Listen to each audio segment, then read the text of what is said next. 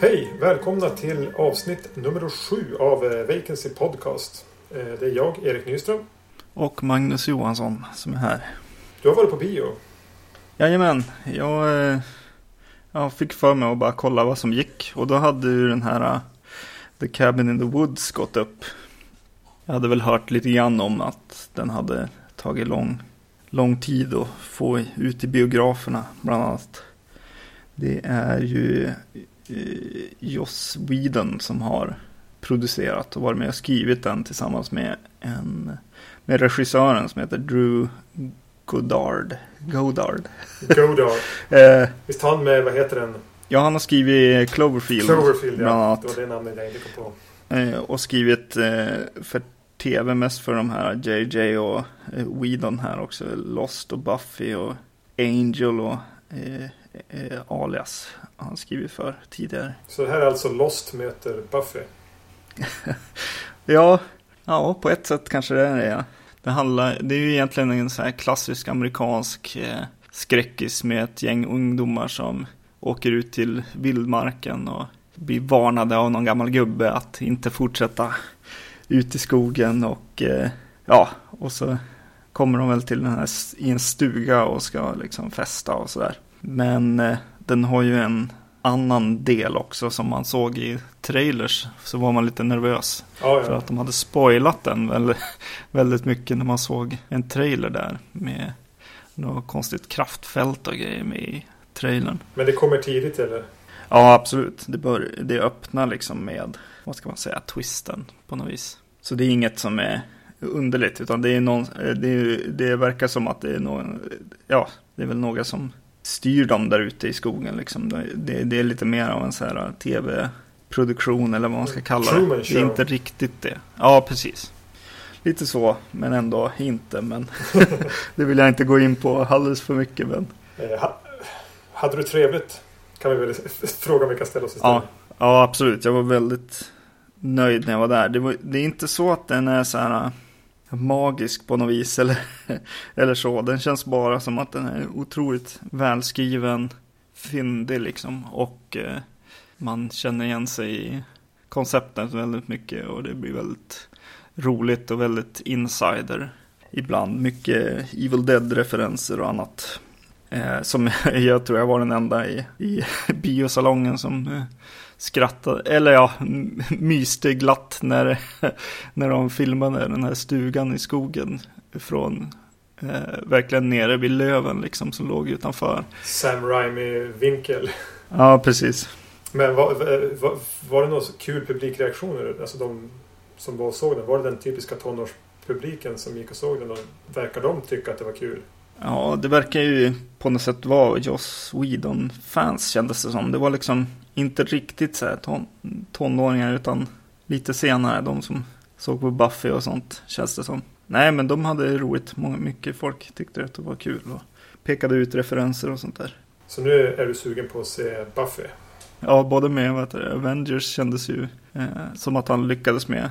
Framförallt dialog så känns det som att man kanske har missat Joss Whedon lite grann. Ja, han kan, alltså jag har ju sett relativt mycket Buffy. Jag var ganska skeptisk till en början till det. Jag tyckte det var ganska tramsigt. Men eh, jag tog mig som in i serien till slut ändå. Den är ju smart. Det är ju fyndigt skrivet. eh, Man, man, bra, tillräckligt bra skrivna karaktärer för den typ av serie det är. Det är ju som veckans avsnitt och veckans skurk lite grann. Men den har ändå mer än vad en vanlig sån eh, serie har. Eh, Så jag, håller, fakt- jag har faktiskt just köpt en, en box med alla säsonger på DVD. Buffy alltså. Mm.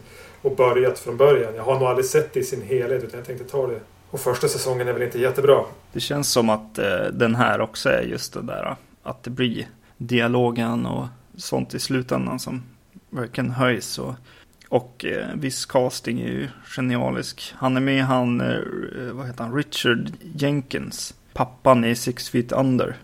Jaha, ja. Som är, han är väldigt eh, rolig i den här filmen. Och eh, ja, spelar i princip den där pappan. Som eh, återkommer i Six Feet Under. Så här väldigt torr och ja, jag vet inte. Väldigt blek syn på livet på något vis. Och eh, en annan som jag blev väldigt imponerad av som jag, ja jag vet inte. Man får lite förutfattade meningar om den här mannen men eh, Chris Hemsworth eh, imponerar väldigt bra också. Thor, är, det inte det i Avengers? Ja, precis. Han hajar verkligen vad, vad han är med i här och eh, gör sin karaktär väldigt bra. Han kanske är bättre än man, han ser ut att vara om man bara tittar på honom. För jag tycker han fungerar ganska Ja, bra som, i en helt hopplös roll som, som Tor i Avengers. Det, Mm. inte- det, det, men han, han gör ju det bästa som går att göra med den tror jag. Men jag får inte se den här filmen. Äh, Cabin in the Woods alltså. Den går inte upp på bio i Skellefteå direkt. Den går upp i, i Umeå. Så det är ju 15 mil söderut. Så om jag vill betala 350 spänn tur och retur med buss och sen då ytterligare en hundralapp för att se filmen och 50 spänn godis. Så 500 spänn för att se Cabin in the Woods. Det kanske är bättre att vänta på, på ett DVD-släpp då. Eller Blu-ray-släpp. Ja, precis. Men det kan jag ju definitivt rekommendera att, eh, när det väl dyker upp. Eh, jag tycker den var väldigt underhållande. Men det var ju inte den vi skulle prata om i det här avsnittet egentligen. Det där var ju bara ett litet sidospår. Precis som utlovat i förra avsnittet faktiskt så har vi ju sett eh, Demons och Demons 2. Lamberto Bavas skapelse. Hans, eh, kronan på hans skapelse kanske. Mm. Lamberto Bava och Mario Bavas son om det var någon som inte redan visste det. Och när jag tog upp det så på jobbet att ja men det är Lamberto Bava, Mario Bavas son sa jag. så tittar de bara på mig. Undrade. Det sa inte de någonting. Men hur som helst så en, en italiensk eh, om vi nu pratar om Lamberto Bava som är mannen som har gjort de här så Mm. har, gjorde väl främst under 80-talet och bit in på 90-talet ganska italiensk genre-skräckfilm. Mm. Och eh, då, det här var bland det första han gjorde. Eh, Han gjorde väl, vad heter den, Blade in the Dark innan och, och han gjorde några filmer innan men det här var väl en... Kom, eh, första filmen kom alltså 1985 och uppföljaren kom året därpå. Men varför fick vi för oss att se de här egentligen? Eh, Det var du som kom dragandes med de här gamla skeletten. Ja, jag surfade och funderade på att köpa lite film och såg att de här hade släppts i en Blu-ray-utgåva nu. Och eh, jag köpte en där båda följde med en box. Eh, från, eh, vad heter de, Arrow Video heter de, tror jag. Ja. Som jag har köpt otroligt my- mycket film från. Är det de där vita Dario Argento-släppen också? Ja, precis. Eh, och, och lite Fulci och så också har de släppt. Är de här också vita? Nej, den här är faktiskt svart. Trevligt. kolsvart. Eh, och eh, det, är, det kommer i en viss typ av förpackning som påminner mig om de DVD-förpackningarna som jag har faktiskt på just de här filmerna. Det är lite intressant att de var väldigt lika. Och eh, det som hände när jag fick den här i, i brevlådan var att jag fick riktiga så här, eh, ja, det, minnena bara sköljde över mig. Jag, jag fick till och med luktminnen eh, så här från, från eh, gymnasiet när jag såg den här tror jag. Från första, första gången i samband med att jag eh, träffade min fru. Eh, och eh, Så, är det här era filmer eller? ja, precis på något vis. Nej, jag tror att jag fick låna de här från hennes bror om jag inte minns fel. Det var någon, ja, någon hade dem på VHS. Och eh, sen köpte jag dem på DVD och nu då på Blu-ray. De är ju väldigt så här eh, från VHS-tiden som en kille på mitt jobb säger. Ungefär som vikingatiden. De, de är ju väldigt mycket gjort för just sådana här. Det här är gjort för hyrmarknaden egentligen. Ja, precis. På något vis. Det här var ju en av de första liksom, italienska skräckfilmerna jag såg. Jag eh, utgår från att det var du som visade de här för mig. I något sammanhang Mm. någon gång. Förmodligen inte så långt efter du hade lånat dem av din, vad blir det, svärbror? Heter det så? Nej. Då, Ja. eh, jag tror det här var bland det första liksom, italienska förutom då, att jag tror att jag såg, vad heter den, Fenomena. Det var den första Dario Argento jag såg. Och, eh, Mario Bavas Chock var också något sånt där som du visade. Men de här tror jag låg före. Det. Eh, och det är ju väldigt... Det är det här renodlade italienska samtidigt lite, knäppa. Mm. Men eh, när vi ändå är inne på utgåvorna där. För jag såg, jag har inte köpt några nya utan jag plockade fram mina två gamla DVD-utgåvor. Anchor Bay, ganska, ganska gamla. Och jag upptäcker att jag måste köpa nya utgåvor av de här filmerna. För de ser inget vidare ut. De är inte anamorfisk widescreen utan på min TV så lägger alltså TVn in två svarta fält i sidan. Och sen får jag se den i, i, i alltså originalratio fast väldigt liten bild. Så jag får väl ta och köpa dem där då. Du är nöjd med, med Ja, de är jättebra. Det är väl roligt med Demons 2 bara att eh, de som har gjort den här eh, utgåvan, de har verkligen gjort dem utifrån eh, ja, originalkopiorna av filmen och gjort en riktig liksom, överföring av, av filmerna. Och i, i Demons 2 så Eh, är det vissa scener som eh, har någon eh, liten störning. Den hoppar bilden väldigt korta i, som de skriver i början är för, på grund av någon kamerafel. Fel på kameran, men de har ändå med dem. Bland annat gissar jag på eftersom att Lamberto Bava själv är med i en av de scenerna där det hoppar lite. Det var som att jag noterade det någon gång i tvåan också. Att det var någonting där... Var det inte någon av utom scenerna ute? Eller- Ja, Mm. Det är tre, tre tillfällen som det hoppar eh, och det är just utomhus allihopa. eh, medan jag kommer ihåg det. Lamberto Bava är alltså själv med i någon av... I, film, i Demons 2. Ja, i Demons 2 är han någon pappa där till någon. Jaha, de som åker... Till i- hon som fyller år. Ja, mm. Och eh, i första filmen går han bara ut ur vad heter det, tåget där i början. Eh, Så är han med också. Lite Hitchcock. Eh, Men vi kan väl ta filmerna var och en för sig lite mer på... Ja. Eh, Det är väldigt, väldigt enkel, enkel handling. Demons 1. Eh, några personer får fribiljetter till en biovisning. Om jag förstår det så är det liksom en ny bio som ska öppna.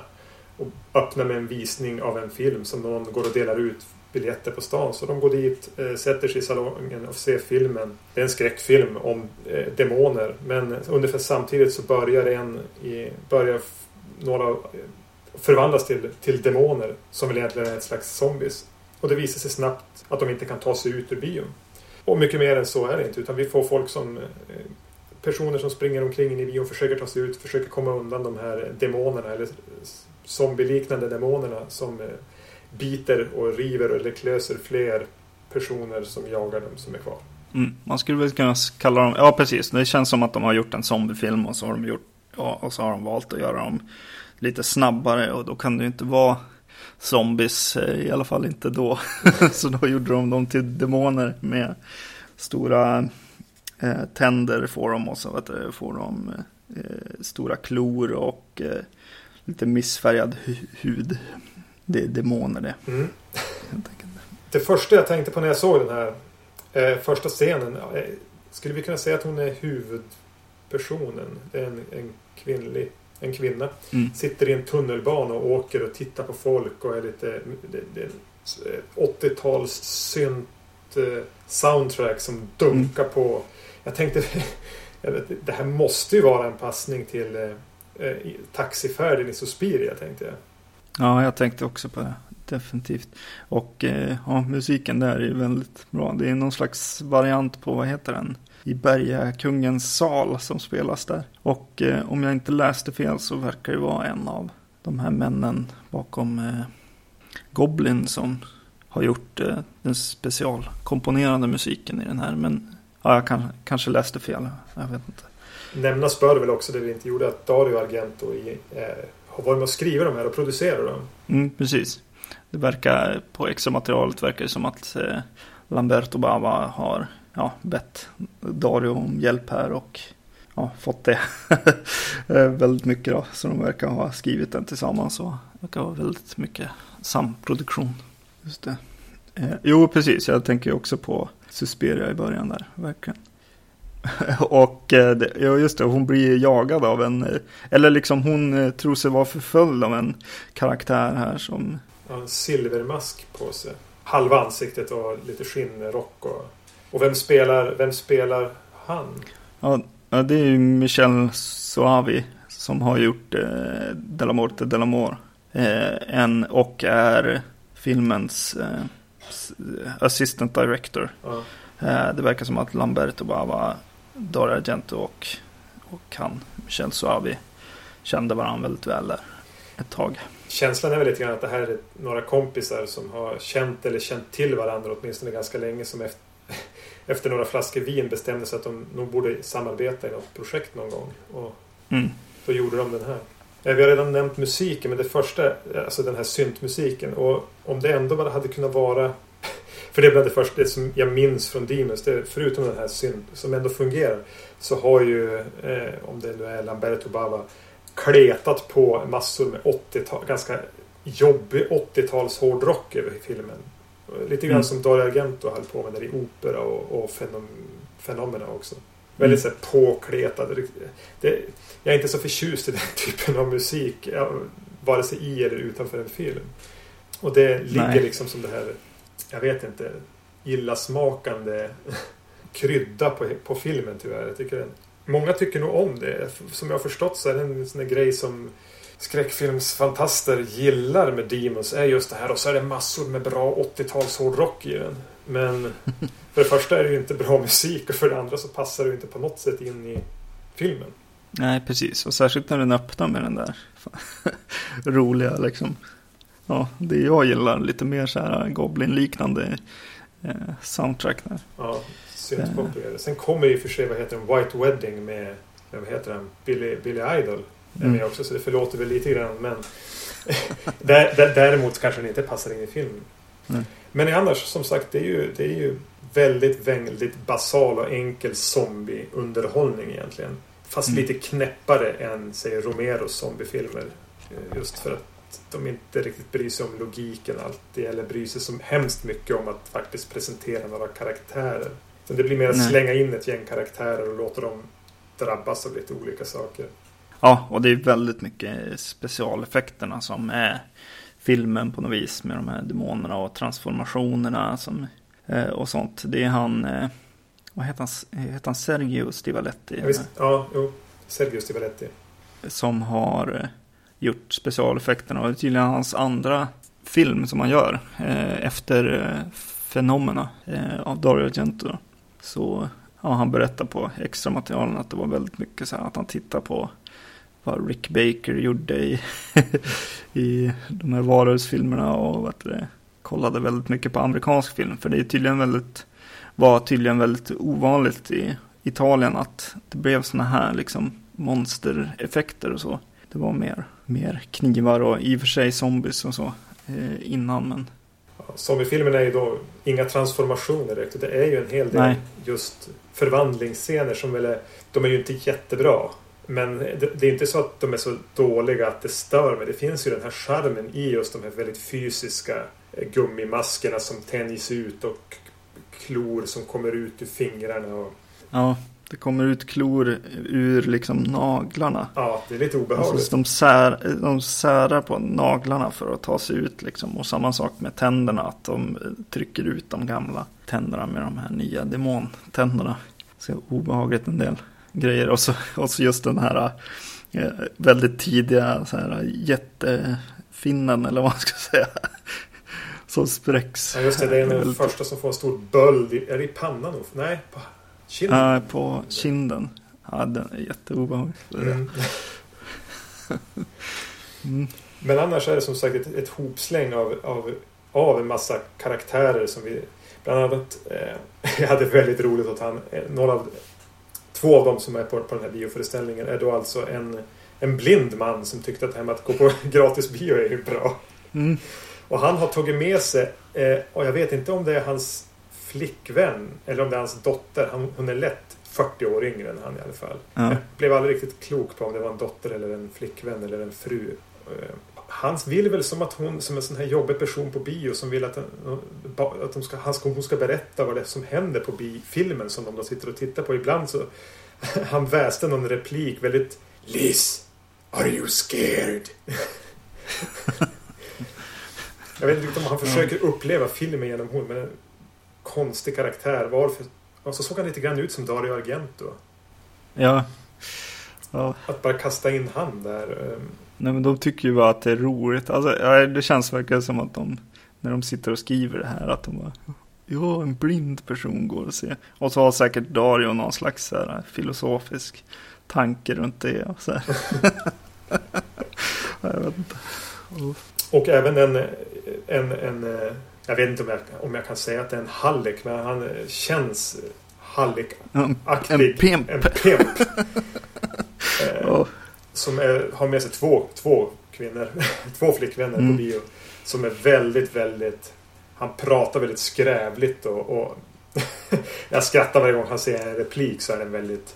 väldigt stolpigt, eh, överdrivet sätt att prata. Ja, jag skrev upp en. I pro- de, de springer upp i projektorrummet. Alla får, de får för sig att liksom, eller ja, det är väl lite filmens tema, att demonerna kommer liksom från filmen på något vis. Ja. Eh, Så då åker de, springer de upp i projektorrummet och så skriker han Smash everything! det är jättebra. det är roligt. Så det är liksom den typen av karaktärer vi får träffa. Eh, Det är väl några som kanske utkristalliseras som någon slags huvudkaraktärer. Men som Mm. förmodligen är de tråkigaste också. Mm. Eh, En annan som man bara måste nämna, som ju är en av, eh, av de karaktärerna i filmen, är ju då en som till en början verkar jobba på bion. Som faktiskt är där och river biljetter och kan gå med ficklampa och be folk att sluta hångla eller någonting. Men sen, man tror ju hon verkar däremot inte ha en aning om att det fanns en plan om att stänga in folk och förvandla dem till demoner här. Vem det nu är som gör det, det står, blir aldrig riktigt klart. Eh, Och det, hon spelas ju av eh, Nicoletta Elmi. Som ju Mm. är eh, kanske mest känd som den lilla obehagliga flickan i eh, Deep Red. Mm. Och även i... eh, Hon är med i... eh, Hon heter Who Saw Her Die, Giallon också. Hon är i alla fall känd och, och vad heter det? Mario Bavas Twitch of the Death Nerve. Ja, just det. Där är hon ju med. Alldeles i slutet på den. är hon med. Så en barnskådis som är här kanske är i 20-årsåldern dyker upp. Mm. Ett långt rött böljande hår. Det var lite kul bara att se henne i något sån där vuxen roll.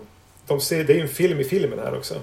De tittar ju då på en film på bio som är någon slags skräckfilm. Nu när jag försöker minnas så blandar jag ihop den med filmen i, i Demons 2. eh, vad är det som händer i filmen i Demons 1? Ja, de, eh, i Demons 1 så åker de ju till eh, någon slags eh, gammal gravplats tror jag.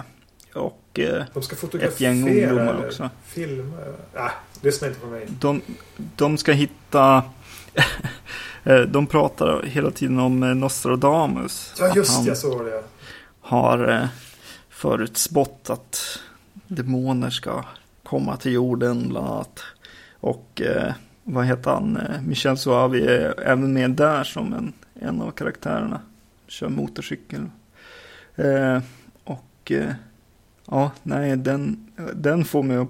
Den, gjorde inte Lamberto Bava någonting som heter Graveyard Disturbances eller något sånt? Eh, har jag för mig som, som påminde om den filmen i filmen på något vis. Jag vet inte om jag Ja. har sett den.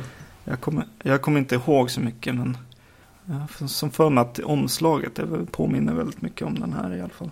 Men eh, Eh, snutten. filmen i filmen, hade du velat se den filmen? Ja, alltså det känns ju som att de gör en. eh, ja, förutom att det är lite, ja det känns lite löjligt med de här Nostradamus-grejerna. Som om det skulle vara värsta uppslaget för skräckfilm. Jag vet inte, jag vet inte om jag tycker det riktigt. Men, eh, men eh, de, de är ju väldigt roligt filmat. Den, de sekvenserna och väldigt mycket så här. Ja, det känns som att de driver lite med konversionerna där på något vis. Med mycket så här rök och mycket Gravstenar och... gravstenar och grejer. Ja. Eh, Men det är helt otroligt hur mycket en film, alltså filmen Demons ändå tillbringar i filmen i filmen.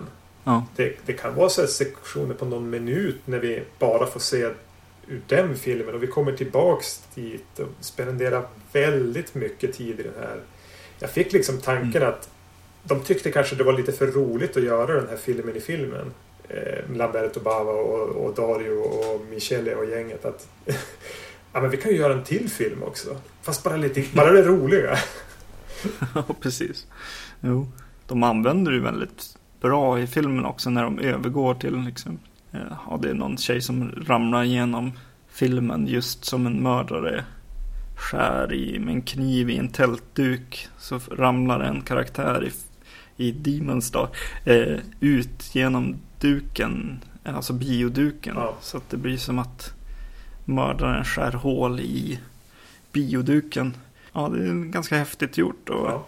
Även eh, vid något tillfälle så får man se han eh, Michel Suavi på skärmen jättestor som en, en eh, demon då, i närbild. Samtidigt som det är massa demoner i förgrunden från i riktiga världen då, eller vad man ska säga.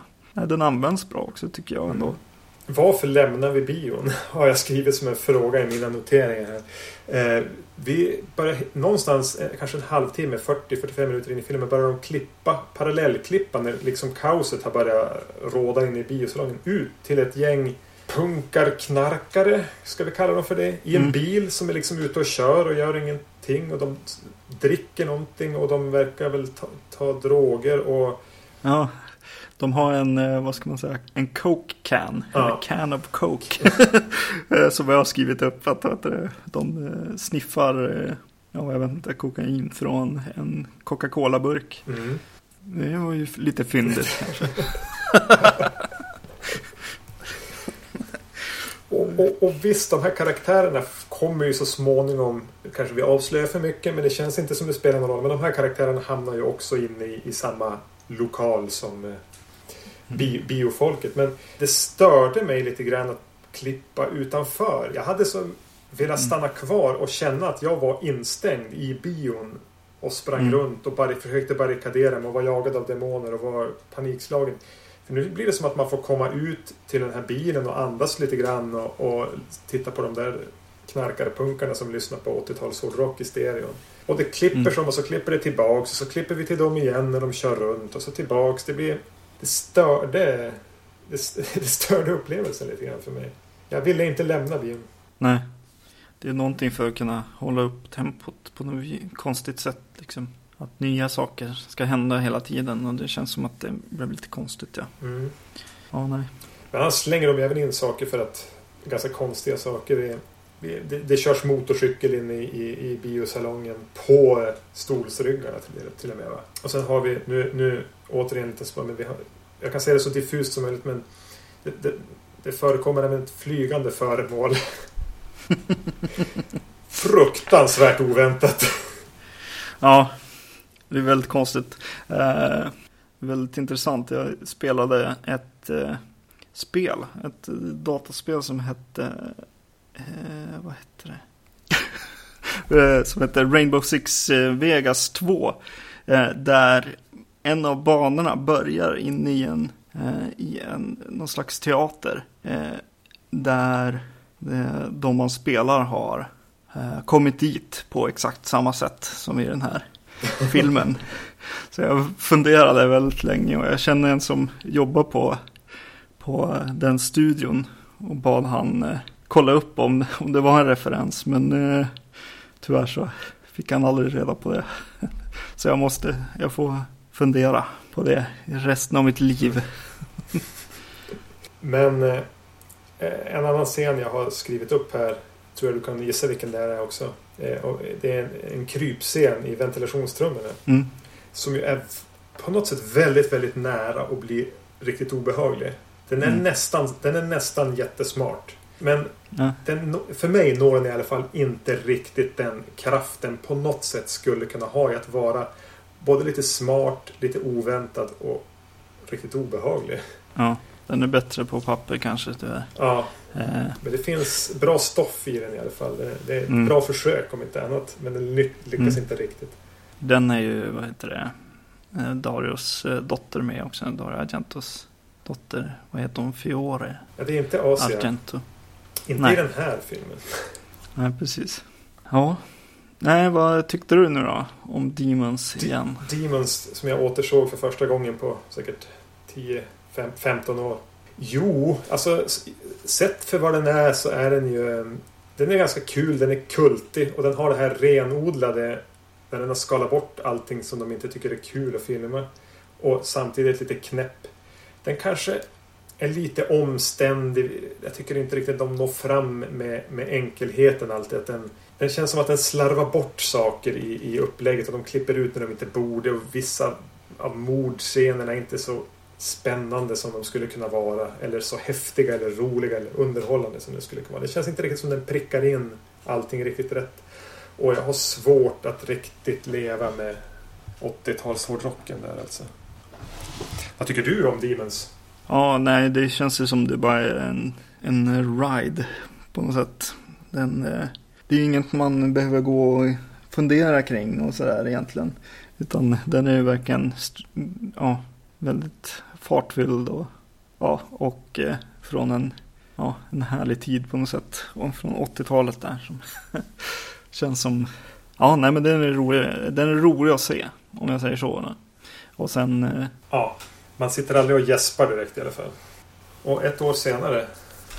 Precis, det verkar som att Demons gick riktigt bra.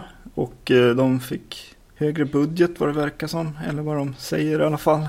Och eh, ja, så de hoppade väl direkt på egentligen att skriva Demons 2. Vilket Dario säger i extra materialen här att eh, han tyckte var mycket kämpigare att skriva. Eh, var mycket enklare med, med originalet tydligen. Där flöt det på. Det var lite trögare. Mm. Men eh, Demons 2, den handlar ju om eh, ett hus egentligen. Det är en massa folk som bor i en eh, i, i, ett, eh, i en skyskrapa nästan. Eh, som, som är döpt till The Tower. Går de förbi någon skylt som det står.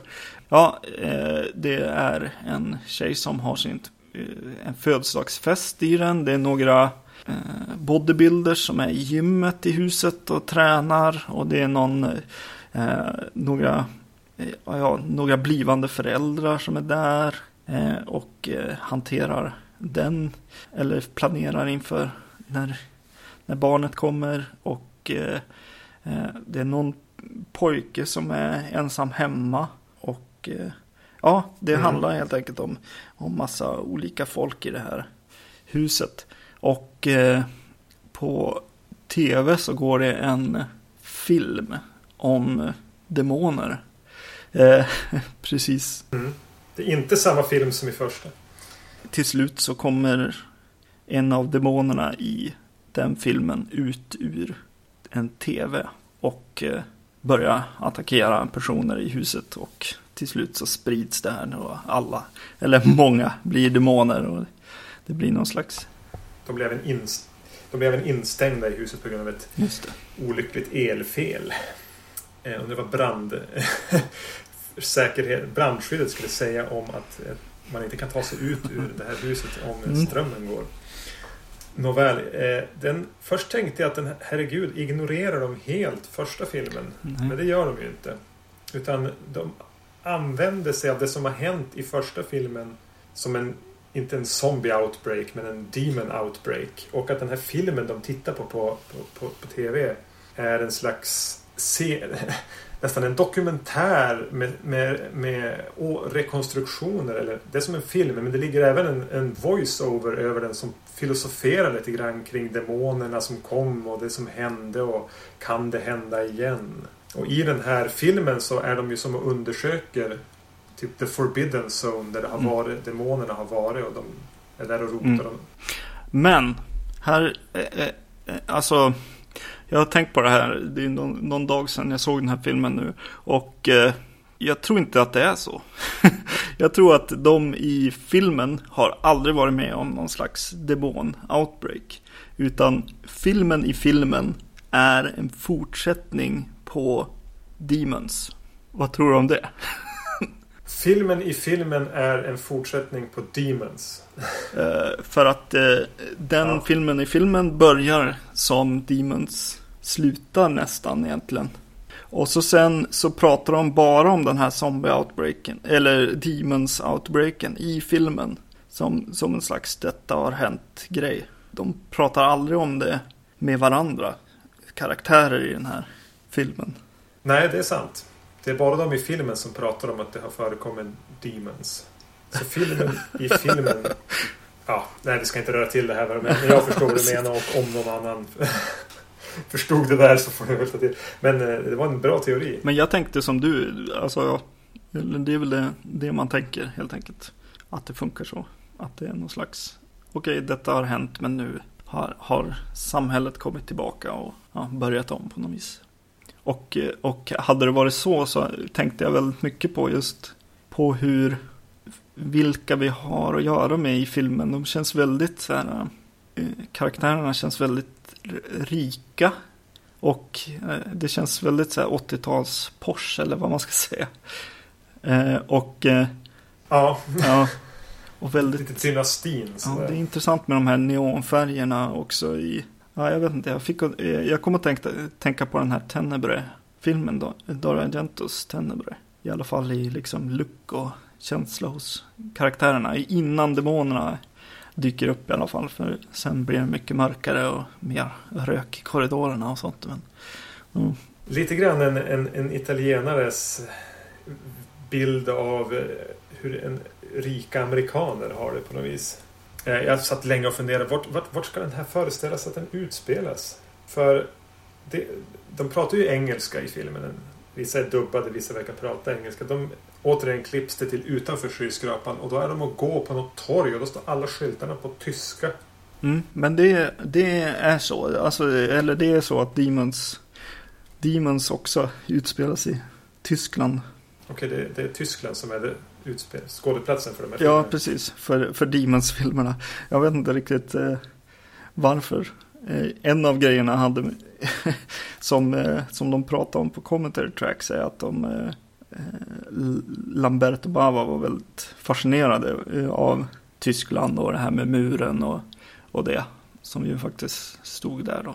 Stod kvar så att jag vet inte om han bara ville åka dit och titta eller Men ja, ja, nej, de utspelas i Tyskland. Jag har ja. ingen aning varför.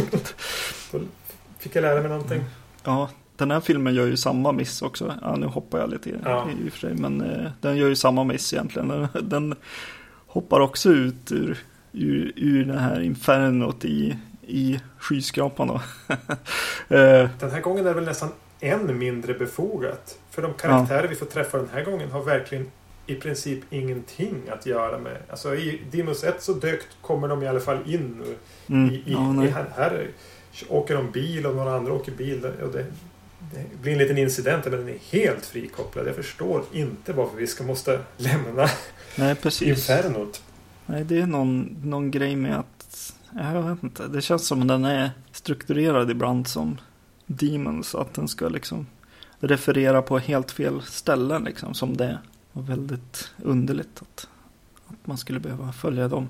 Och i den här, i den här filmen är ju också musiken utbytt från eh, hårdrock till någon slags gothrock. Gothrock, eh, new wave. Smiths var i alla fall med. Och ja. Det var snäppet, i alla fall för mig, bättre musik. Även om den knappast fungerar speciellt bra i filmen. Nej, nej, på ett sätt så funkade ju hårdrocken bättre eftersom att den har ju farten ja. som Demons kräver på något vis. Men eh, nej, här blir ju lite ja, deppigare musik, ja. vilket känns lite underligt. Det var någon scen när de dansade till just Smiths. Då kan jag som, ja men det kan jag fatta, det, kan, det kanske de gör. De slår på en Smiths-skiva och dansar till på festen. Men i övrigt så kändes det väldigt, eh, återigen, som att de bara har slängt ner lite låtar i en burk och, och strösslat över filmen lite slumpmässigt. Mm. Så det påminner väldigt mycket om Demons, även det. Det är ganska klumpiga användandet av musik. Och den återanvänder ju även skådisar. Åtminstone två eh, som jag såg. Det kanske är fler också. Förutom då att tydligen Lamberto Bava själv var med i båda. Mm. Men eh, Pimpen från eh, Demons 1 dyker ju upp här i en liknande roll. Fast här är han någon slags gyminstruktör eller typ gymgängled. Nej, jag vet inte riktigt vad de gör. De är ett gym i källaren på... Och han går omkring och har alltså han är exakt, det är förmodligen samma person. Ja. Han är bara på gymmet nu. Han har samma sätt att prata. Eh, flexa muskler, lite svettig och gorma på folk. Jag tycker ja. han är fortfarande jätterolig att titta på. Ja, rolig att se att han, hur han tar tag i saker och blir ledaren på något vis. han sitter inte med armarna i kors. Nej. Och sen tyckte jag även, det här kan jag ha fel, men att eh, det, finns, det sitter som i alla de, i, i skyskrapan på entréplan har de en säkerhetsvakt som och att mm. den personen som spelar säkerhetsvakten var en av de här eh, knarkpunkarna i bilen i Demons 1. Men jag har inte brytt mig om att kolla upp det här om det faktiskt är som en... Jo, jo så är det. Det stämmer. Eh, ja, nej, det är lite underligt egentligen. Att, ja, ett år senare, ja men de var ju så bra, det är lugnt. du får spela någon annan liksom. Det är väldigt konstigt. Mm. Men alltså jag tycker nästan att Demons 2 är väl den som är ansedd som en sämre uppföljare. Men den är på något sätt, tycker jag i alla fall, lite bättre sammansatt. i hur den hoppar mellan karaktärer. Vi har mer tydliga karaktärer och vad de som är i en speciell situation. Ja, men en, en pojke som är ensam hemma. En ung flicka med sina föräldrar. Eh, Det här paret där en är, gravid och en pluggar och de här gymfolket i källaren och födelsedagsfesten med hon som, är, eh, som, hon som fyller år och de skickar ut en kille för att hindra några från att komma till festen som de inte ville Mm. skulle komma dit. Han får vi se en hel del. Undrar hur det gick för han? Ja. I början av filmen så skickar de ut han, vänta på dem och säger att de inte är välkomna ungefär. Ja, precis. Och han står där och väntar i hela filmen. Ja, det är några svar som inte kommer. Bland annat så är det en just då som frågar What did Jacob do to Sally? Och det undrar jag än idag. Eh, Den här Sally, det är alltså hon som fyller år och har den här en ung tjej som har födelsedagsfest och en, jag, tycker hon, jag tycker hon är jätterolig. Eh, Mm. riktig primadonna. Det första gången vi träffar hon så har hon ett utbrott för sina kompisar och har typ stängt in sig i sovrummet och typ eh, har ett dramatiskt eh, utbrott om att jag vet inte om hon är missnöjd med klänningen eller någonting. Ja, och har jätte... Jag har inte tänkt gå ut. Jag, åh, ack, ack. Och sen går hon ut och dansar lite grann och sen får hon då höra att den här Jacob är på väg dit och då får hon nästa utbrott och stänger in sig och skriker och gråter. Och det som jag gjorde hon extra rolig var att hon ser lite grann ut som en, en som jag känner. Hon påminner mig om en som jag känner. Jag har inte tänkt säga några namn på, på, på podcasten här. Eh, men det är någon som du vet vem det är också. Om jag säger någon som hade med sig Schweppes istället för Coca-Cola. oh. Det är bra. Det, det, det hade jag roligt åt under, under filmen i alla fall. Oh. Nej men precis, den har, den har ett mer distinkta karaktärer och saker som de faktiskt har för sig och sen börjar de då Det är nästan som man sitter och undrar och undrar om de kommer att träffas eller om när demonerna sen börjar löpa amok och springa runt och fler och fler blir demoner och det händer saker på flera olika ställen på ett mer sammansatt och bättre sätt. Ja, den är ju lite bättre konstruerad tycker jag också. Att, och vad heter det, det känns också som att, ja men just den här äh, grejen med filmen i filmen-grejen också i den här filmen. Så känns det ju väldigt intressant hur den liksom, ja men som sagt, eh, ja kanske lite mer så här berätta vad som har hänt. Och den blir ju det som händer också på något vis. Och så blir det ju en ganska länge så är det en parallell handling egentligen till det som till presentation av karaktärer i huset så, så är, ligger skräckscenerna i den filmen. Eh, och eh, blåser, eh, eller liksom. Så vi inte ska få så tråkigt under all Nej, karaktärspresentation. precis. Nej, det känns som att det sitter ihop ganska väl allt det här. Jag blev lite förvånad att du berättade att Dario Argento tyckte att den här var jobbigare att skriva och gick trögt och sådär. Kanske att han... Mm. Du ska inte alltid låta det gå så lätt, Dario Argento. Du ska faktiskt precis. anstränga dig. Det blir bättre då. Nej, men den känns genomtänkt som sagt. Mer, mer genomtänkt. Och eh, ja, nej, jag gillade, ja, nej, jag gillar mycket av den också. Mm. Ja, jag kan säga redan nu att jag faktiskt tyckte mycket bättre om Demons 2 än om Demons 1. Just att den har ett bättre flyt, den blandar, och, eller den, den har ett bättre driv i sig. Den, är, den, känns, den måste ju ha haft en högre budget också. Ja, det hade den ju definitivt. Och där, där tycker jag ändå, alltså, om man ska jämföra dem, att, att eh, effekterna i Demons 2, det känns som att de har tagit, haft mer budget och blivit lite mer så här självsäkra, vilket gör att en del av effekterna liksom visas för mycket av och blir sämre egentligen än, än i Demons. Ja. En del transformationer och sånt. De har några sådana här ådror som ska ligga innanför huden på många så de liksom börjar pulsera så att när de håller på att förvandlas. Och det, vissa av det kanske så här, ja men hade de visat en glimt av det så hade det kunnat se rätt bra. Men nu visar de det lite för mycket som sagt. Jag tror du har helt rätt där. De fick lite för... Stiva, är det Stivaletti som har gjort den här också? Ja, precis. Lite för bra Och självförtroende. Ja, precis. När tänderna får ut också. Det är inte riktigt lika bra liksom. Sen får han, ja sen gör de ju lite mer så här Gremlins-grejer eller liksom mer, jag vet inte.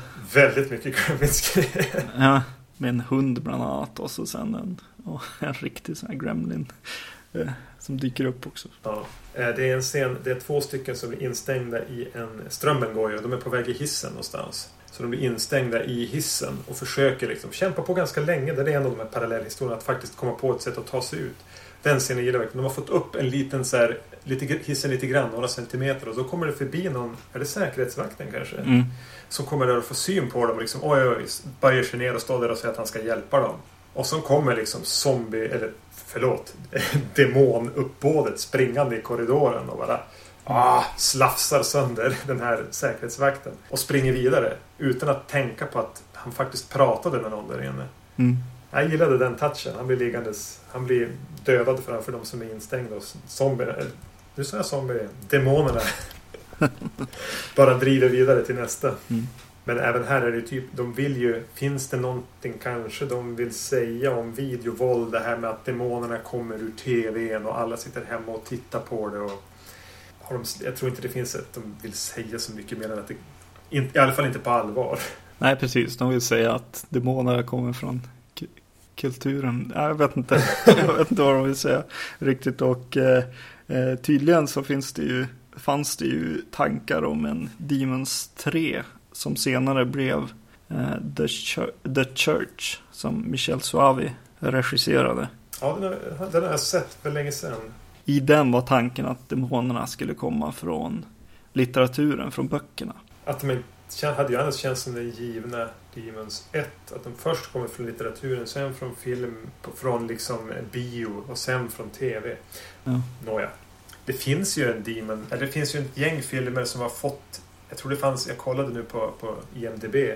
Jag tror det fanns upp till Demon 6 eller någonting. Men det är väl bara de här två egentligen som räknas som...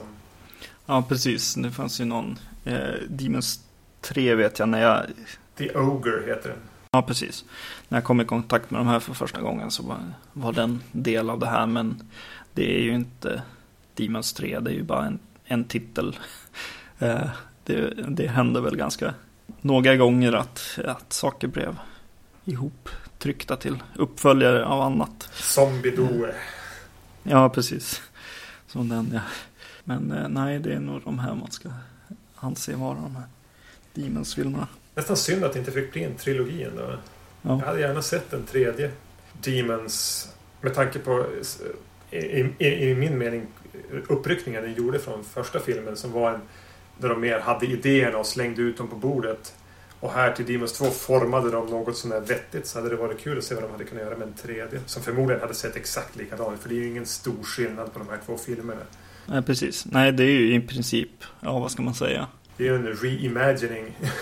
Ja, det är väl Evil Dead och Evil Dead 2 på något vis. Ja. Nej, det kanske inte. Det kanske var lite att ta i. Det är väldigt stora, ja jag vet inte, jag fortsätter här på Demons 2 lite grann. Det är väldigt stora influenser från aliens tycker jag att jag ser. Med något frätande blod genom golvet. ja. Vilket var lite häftigt tyckte jag med vet du, någon genomskärning av ja, golvet och taket så att säga. Som liksom faller, faller isär när det kommer i kontakt med blodet. Det tyckte jag var lite kul på något vis. Och det är det som orsakar det här strömavbrottet som gör att de blir instängda också. Mm. Och, eh, och även den här pojken som måste gömma sig. Och sådär. Nej, det känns som att de, de hade sett aliens nyligen när de gjorde den här filmen. Alltså det är ju skräckfilmer som är väldigt medvetna om sin... Alltså de, de, de plockar ju in det de gillar från andra filmer och bakar ihop det till någonting som de förmodligen hade ganska kul när de gjorde. Mm. Eh, så, så den skäms ju inte för sina... Även som Gremlins-grejen där, eller det frätande blodet eller som att det i princip är zombies. Och de, Mm. de tar ju bara lite ur, ur gott, gör en gott och blandat påse. Och det är ganska roligt att titta på. Ja, den här specialeffektskillen, eh, Stivaletti, han säger, jag säger det på, på extra materialet också att han, eh, han, det var ju så viktigt att det, att det inte blev för mycket gremlins, sa han. så att, ja, de, de var ju helt klart medvetna om. Ja, Gremlins 2 är väl samma koncept och folk blir instängda i en, i en skyskrapa Mm. tillsammans med en massa Gremlins Ja. över en natt. Och det är, ju, det är ju det är precis vad det här är. Jag, ty jag tycker ändå båda, alltså båda filmerna har en, har en scen eh, som inte, som vi nog inte har tagit upp, där, där liksom det kommer ut en mindre eller mer, mer demonig demon, eller vad man ska säga, mer akter. En, en docka. Ja, precis. Ur, ur de här demonerna i första filmen är ju så fantastisk. För hon, det är en demon som står på alla fyra då. Eh, som, och så kommer det ut en, en demon från hennes rygg. Kommer i liksom, så hon är, vad blir det, horisontell. Och han, den demonen kommer ut vertikalt. Ja. alltså det finns inget utrymme för Nej, den nej. Här demonen att komma ut. Det är som att det finns någon slags, eh, jag vet inte, portal i. Tal i hennes njurar eller någonting. Den, jo, de gör ju samma sak. De återanvänder ju inte bara skådisar, de återanvänder ju typ i princip scener också. De kröp aldrig in några ventilationstrummor i det här. Eller försökte göra en variant på den. Men Nej. Nej, men det är roligt med de här egentligen. Just de här, att det är så lite fartfyllt och... Och väldigt enkelt och samtidigt lite rubbat. Även om jag tycker bättre om Demons 2 så skulle jag ju aldrig uppmana någon att hoppa över ettan och bara se tvåan. Nej, De här ska ju ses samma kväll med samma godispåse i handen. ja precis. Jo, absolut. Nej, nej, precis. De hör ju ihop. Man måste ju se båda. Och det kan man ju göra nu då. Om man köper den här. Som jag köpte. Den var fantastiskt bra. Ja, jag måste ju definitivt uppgradera mig själv. Bra, bra bild som sagt. De köpa. Det, det gjorde inte så mycket på effekterna heller. Att det inte var på VHS. Det brukar ju vara grejen med, med HD att eh, en del av effekterna syns lite väl bra. Och ja, i och för sig, det stämmer väl här också men ja, man bryr sig inte så mycket. Det, det handlar ju inte om. Man det strävar ju inte efter, efter realism. Nej. Ja, men det var, det var ganska kul att återvända till de här. Det kommer jag förmodligen att göra lite då och då. Kanske inte varje år, men då och då. Är det kul filmer att åter, återkomma till. För man har en tendens att glömma lite vad som händer. Man kommer ihåg några scener, men liksom hur det sitter ihop glömmer man. Och det blir alltid Mm. någon liten överraskning. Men eh, som vanligt vill vi gärna att eh, ni mejlar till oss. podcast.vacancy.se Ni kan gå in på vår sida www.vacancy.se och eh, lyssna på den här podcasten. Eh, eller bara sk- skriva till oss där. Skriva en kommentar om, om avsnittet om det var någonting ni tyckte om. Eller om ni har förslag på någonting vi borde göra. Vi finns även på Facebook. kan eh, gå in på vår hemsida och like oss där. Så kommer ni att få eh, in- information om uppdatering, uppdateringar. Om nya avsnitt och liknande. Vi finns på iTunes och vi kommer tillbaka med, med fler avsnitt. Mm. Så ha det så bra så länge, så hörs vi. Ja, hej då! Hej då!